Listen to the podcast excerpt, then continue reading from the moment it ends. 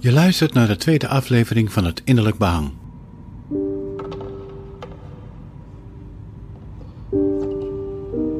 Zoals beloofd nemen we je elke aflevering mee een schilderij in.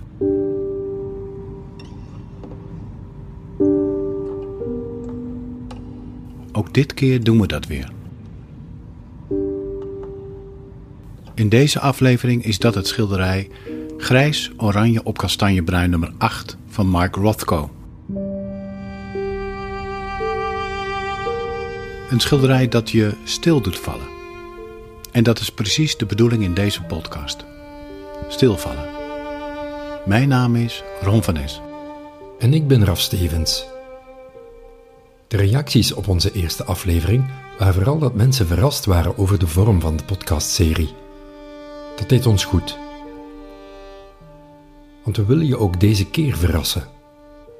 Verrassen met wat een schilderij allemaal verbergt, maar vooral wat jij in dat schilderij allemaal zelf kunt ontdekken.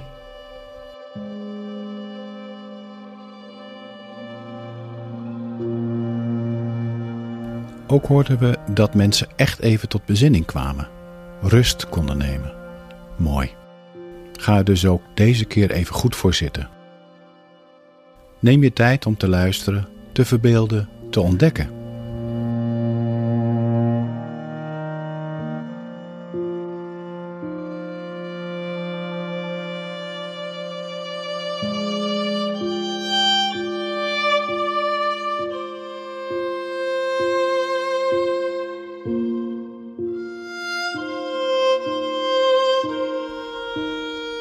Deze podcastreeks is vernoemd naar de enige dichtbundel die Hans Lotijze tijdens zijn jonge leven kon uitgeven.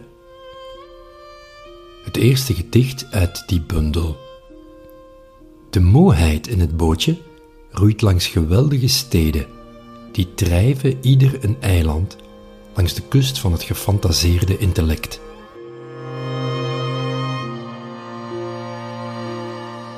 Laat je nu ook maar meedrijven. Meedrijven met je fantasie.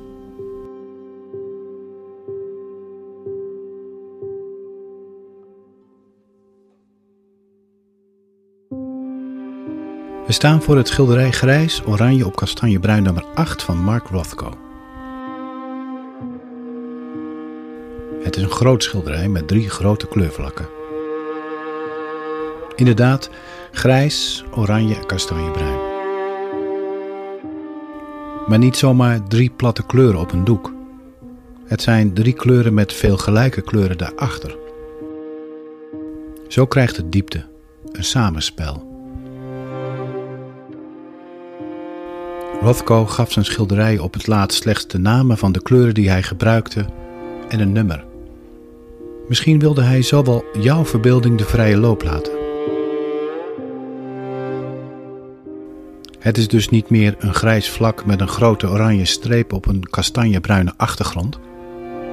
Het schilderij wordt een verhaal. Een reis. Een reis naar binnen. In jezelf.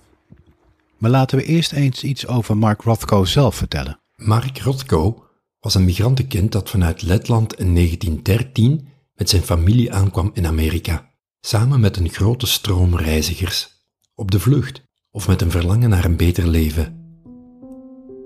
Daar werd hij van Marcus Rothkowicz Mark Rothko de schilder. Zijn eerste schilderijen waren vooral mensfiguren in drukke straten van de stad. Nog sterk onder de invloed van schilders als Henri Matisse en Milton Avery, die ook mensfiguren schilderde. Maar in zeer contrastrijke kleuren.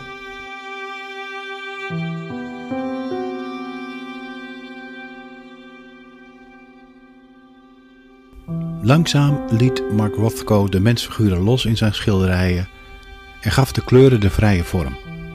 Steeds grotere doeken met banen van verschillende kleuren. Maar zoals we al eerder aangaven, er is iets met die kleuren. In plaats van een enkele kleur lijken er achter elke kleur andere kleuren schuil te gaan. Er is diepte. Er is een geheim. De kleuren lijken een deur te zijn naar iets anders. Het zijn de deuren naar stilte. Je eigen stilte.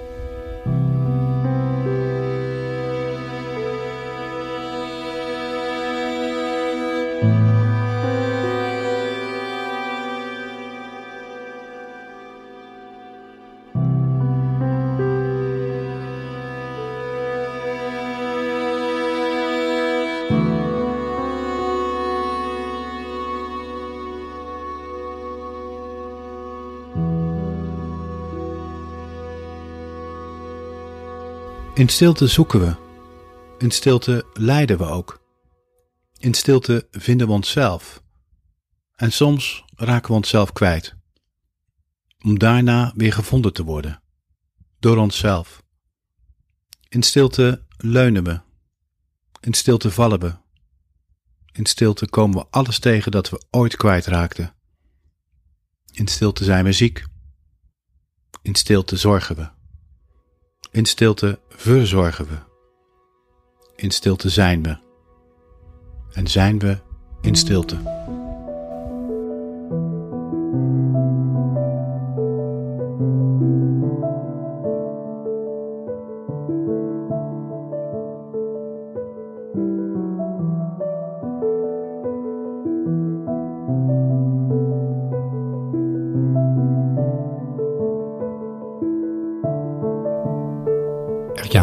In de ronde dat mensen die naar de kleurrijke schilderijen van Mark Rothko kijken, in vervoering raken. Bijna een spirituele ervaring meemaken. Alsof er van achter die kleuren en iets toereikt, aanreikt. Misschien een verloren wereld. Misschien de kinderjaren. Of de onschuld. Dat deel van henzelf dat ze kwijt zijn geraakt.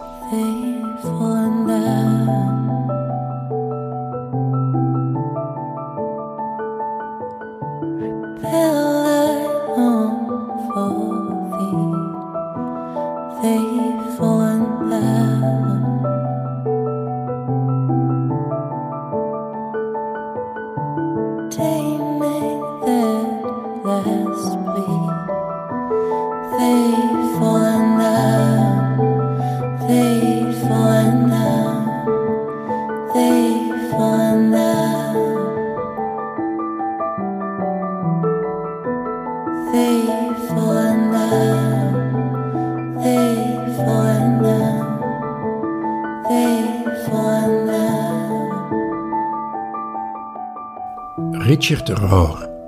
Richard Rohr, naam niet makkelijk om uit te spreken.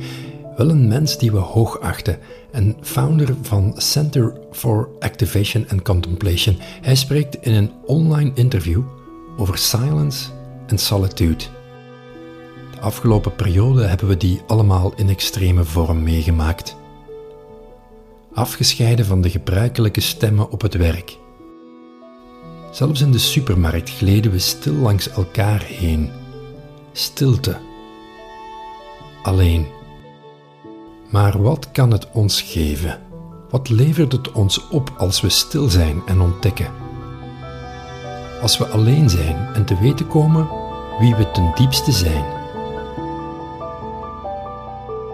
You know, it's been said that the most universal spiritual practice found uh, in all the world religions, among the more serious practitioners, probably, is silence.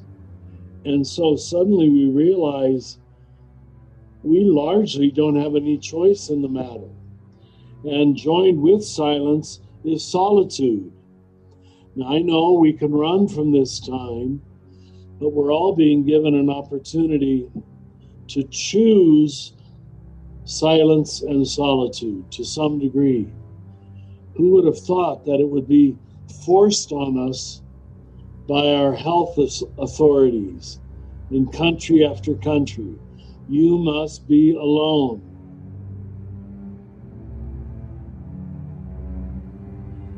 Uh, and this is every continent, every religion, every race, is having forced upon it some degree of silence, it, it would seem, uh, at least if they're asking us to, to socially distinguish ourselves from one another. So the practice is clear to me not to fight it, not to resist it, but to choose whatever silence and solitude is being demanded of us.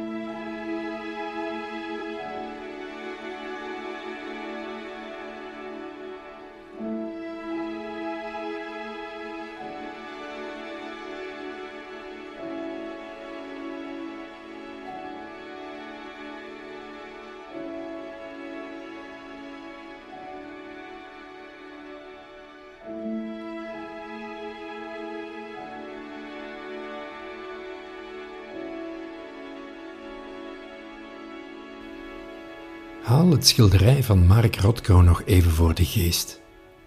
Die grote kleurvlakken van grijs, oranje en kastanjebruin. En de kleuren daar weer achter en daar weer achter, de diepte van alle kleuren binnen het schilderij. Bedenk dan dat Rothko met een leeg canvas begon. Daarna een eerste laag voorzichtig. Eén kleur, daarna nog een kleur en op die ene kleur een andere kleur en weer een andere. Het schilderij kreeg zo geschiedenis. De schilder legde zijn verhaal af in dit schilderij.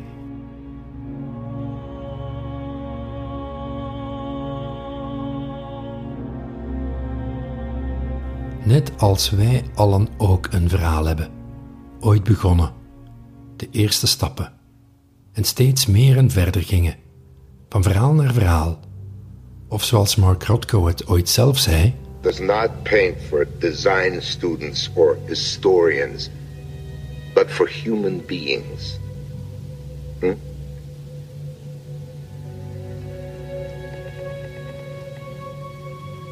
And the reaction, in human terms, is the only thing that is really satisfactory to the artist.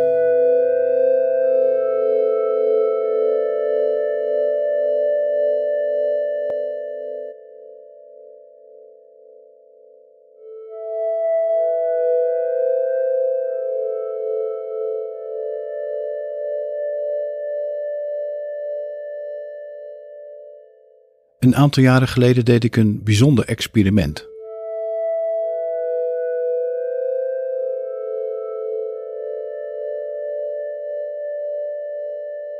Ik raapte tien kiezelstenen op langs de trambaan waar ik woonde.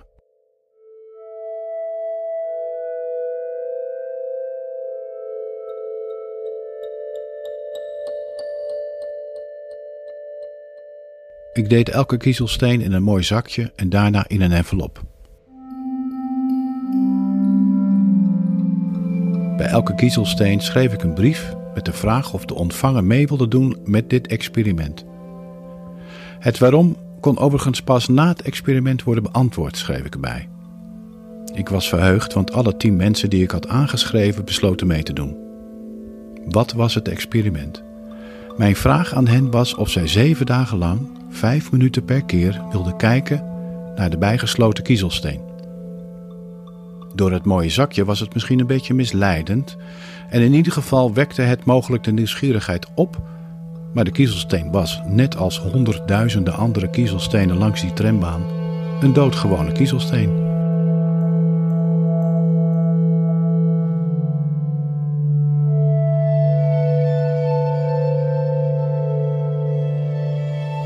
Na zeven dagen kreeg ik de reacties van mensen terug zoals ik had gevraagd en die waren op zijn minst opmerkelijk. De meesten begonnen aan dit experiment uit nieuwsgierigheid, iets wat ik had gehoopt, maar waren toch blij dat niemand hen kon zien zitten, starend naar die kiezelsteen. Na een dag of drie begon er iets bij die mensen te veranderen. Misschien door de focus, slechts vijf minuten per dag, op die steen, leek het dat ze meer gingen zien van de steen.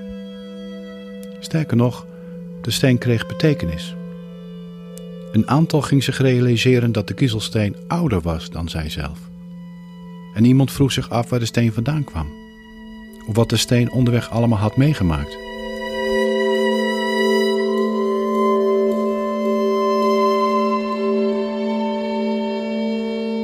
Aan het eind van de zeven dagen bleek echter voor de meesten dat via het kijken naar de steen de blik op wie ze zelf waren anders was geworden. De steen was de aanleiding om meer te ontdekken van zichzelf. Ontdekken van dat wat er al was, maar begraven leek onder de maan van elke dag.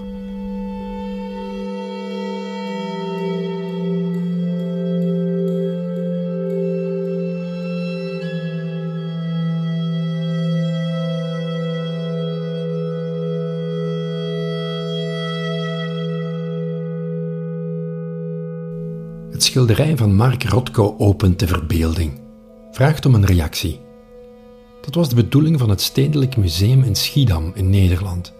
Grijs, oranje op kastanjebruin nummer 8 werd daar opgehangen in een grote gesloten kamer.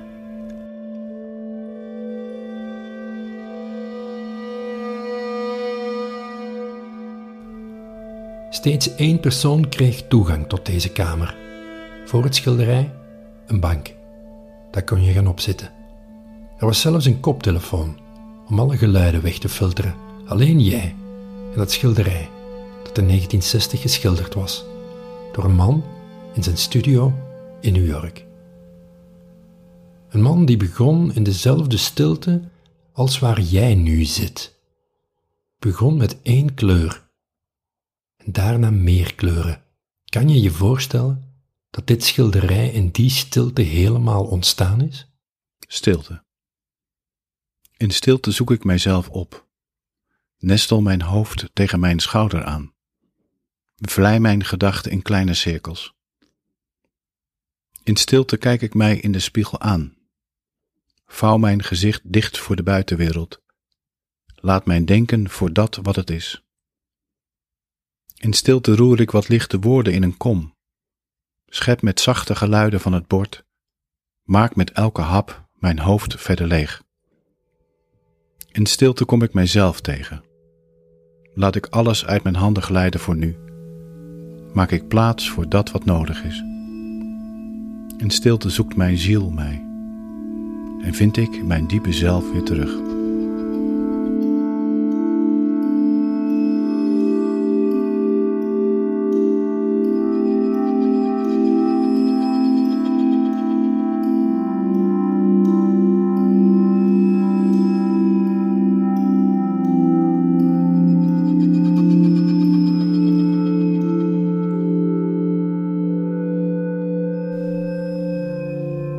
Nederlandse Advaita-leraar, Douwe Timmersma, deed ooit een simpele oefening met zijn leerlingen. Een oefening die veel weggeeft van de ervaring die de museumbezoeker daar op die bank voor dat schilderij van Rothko zou kunnen gehad hebben. Het is ook een mooie oefening voor nu trouwens. Hij vertelde: Ga rechtop in een stoel zitten en sluit je ogen. Neem jezelf, je lichaam, je houding in die stoel waar. Verbeeld je dan eens dat er rechts van je een open ruimte ontstaat. Die ruimte wordt steeds groter en groter. Doe datzelfde met de ruimte aan je linkerkant. Ook die ruimte daar wordt steeds groter en groter. Zie je hoeveel ruimte er is? Rechts van je, links van je. Doe dat nu ook met de ruimte boven je. En daarna met de ruimte onder je. Je bent dus, zittende op die stoel, iemand in een oneindige ruimte. Een ander mooi experiment is dat van de glazen kubus die in het grote netenwoud werd geplaatst. Wandelaars konden in die kubus met uitzicht op de omringende natuur luisteren naar de muziek van Patricia van Neste.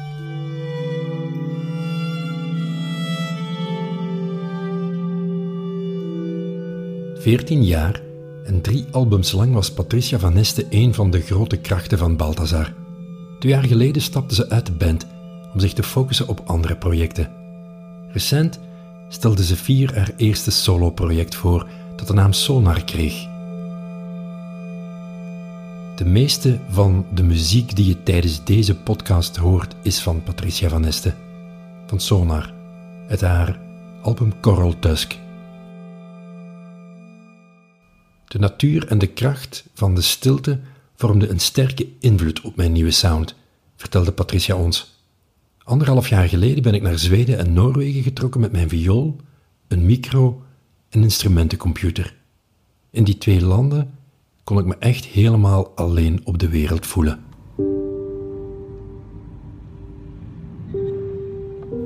Eigenlijk in C ben ik sowieso iemand, hoe raar dan ook, gezien uh, mijn professionele bezigheid. Uh, ik hou van de stilte. Ik zet echt zo heel snel muziek op.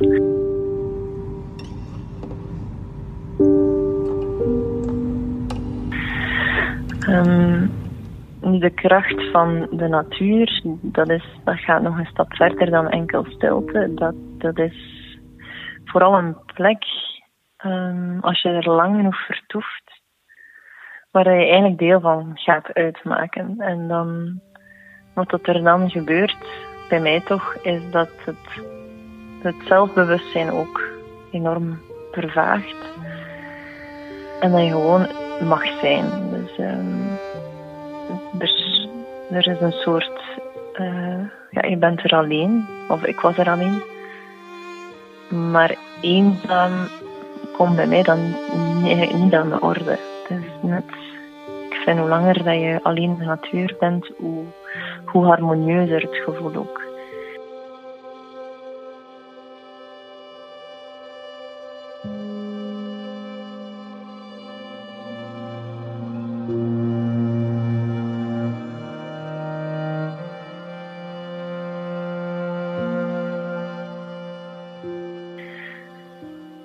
Dan is um, stilte in de zin van ruimte, eh, ook headspace.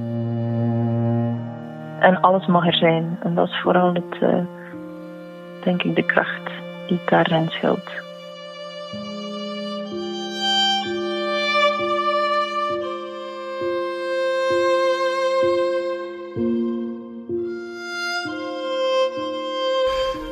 Daarom is dit schilderij van Mark Rothko en al zijn andere schilderijen met die bijna mystieke kleurvlakken geen schilderij om zomaar even eens langs te slenteren. Zo wilde hij dat zijn schilderijen echt aandacht kregen. Dat we keken. En verder keken. Een reeks hele grote schilderijen die hij op bestelling maakte voor een chic restaurant gaf hij dan ook niet af. Hij wilde niet dat ze daar hingen in het geklater van bestek en glazen. Ze hangen nu in een aparte zaal van het Tate Museum in Londen. Later kreeg hij ook nog de opdracht voor een kapel een reeks schilderijen te maken. Die kapel werd helemaal voor hem en zijn schilderijen gebouwd. In deze Rothko-kapel hangen naast grote kleurige doeken ook drie zwarte schilderijen.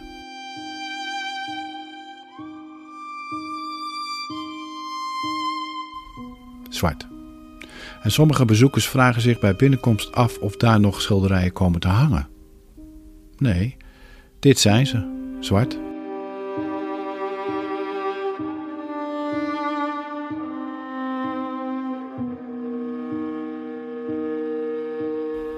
Maar niet helemaal.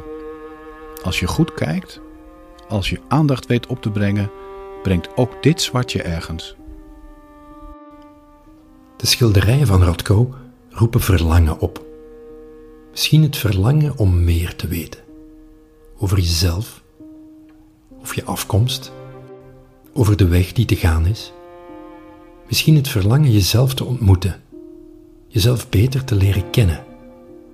Het verlangen vermomt zich heel goed in onvrede, dat rusteloze denken, de chagrijnigheid van de dagen waarin je voelt dat je niet op je plek zit, niet de goede dingen doet niet in je flow zit. Verlangen roept ook vragen op. Waar sta je nu? Wat zijn je wensen? Waar droom je van? Waar sta je voor? Welke waarde heb je? Waar ben je eigenlijk op uit?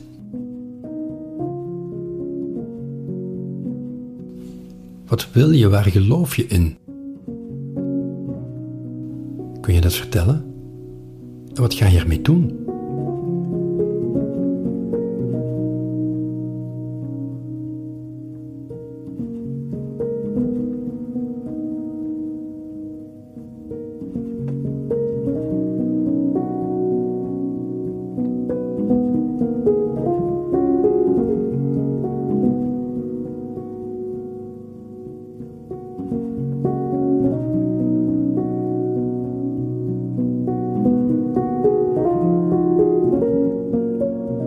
Het is ook het verlangen om de ander te ontmoeten. Mens, medemens. In 1923 schreef de filosoof Martin Buber zijn boek Ich und Du, dat in het Nederlands is vertaald als Ik en Jij. Martin Buber schrijft dat er pas een oprechte verbinding is als door de ik een jij wordt gezien en erkend. De ene mens tegenover de andere mens. In het geval echter dat de ik die andere mens als iemand ziet die je gebruikt om iets te bereiken, dan zal de ander zich als een het gezien voelen. Niet gezien, niet benoemd, niet persoonlijk meer. Er is een wisselwerking in wat een tussenruimte wordt genoemd. En pas als die tussenruimte er is tussen de ik, die daar samen met de jij er is, kan er gevoeld, beleefd en geleefd worden. Hier is compassie als een levende ziel aanwezig. In de ontmoeting kan er ook iets ontstaan dat beide boven hen zelf doet uitstijgen. Er is meer dan één en één, en zelfs meer dan twee. Dat doet het schilderij van Mark Rothko met ons.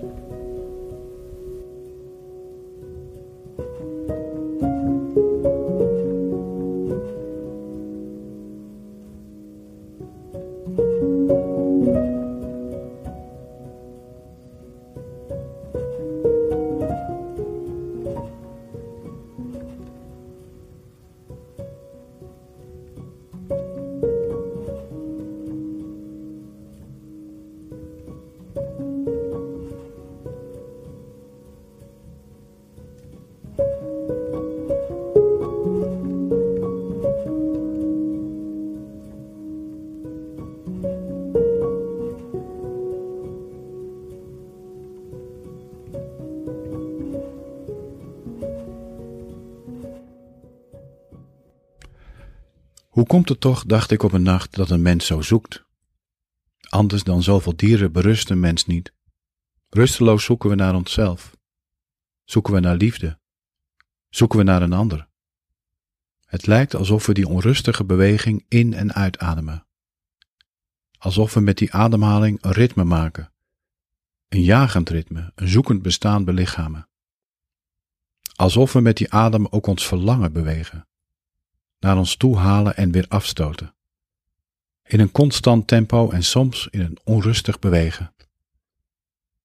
Er lijkt soms een grote ontevredenheid om ons heen te hangen, alsof we hier niet willen horen op deze planeet. We graven, maken stuk, diepen op, helen weer, ontdekken, gaan weg, komen terug. Hoe komt dat toch, bedacht ik op een nacht, dat we zo zoeken? Zo rusteloos een mens zijn? Is het omdat we iets beter weten? Is het omdat we dat groeiende verlangen kennen? Is het omdat we de pijn hebben van dat betere bestaan? Laat de nacht ons dan richting geven. Laat de donkerte ons niet tegenhouden. De angst niet onze keel snoeren. Doof de stemmen in ons hoofd die ons klein houden. Geef de rusteloosheid de ruimte want zij zoekt nieuwe pogingen. Zij zoekt ons.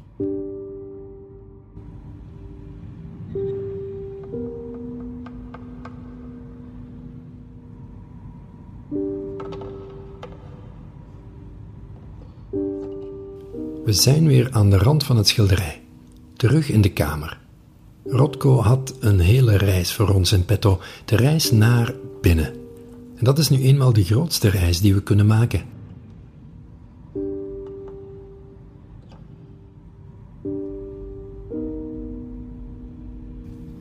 Dat je genoten hebt van deze aflevering. We hebben hem alvast met veel plezier voor je gemaakt.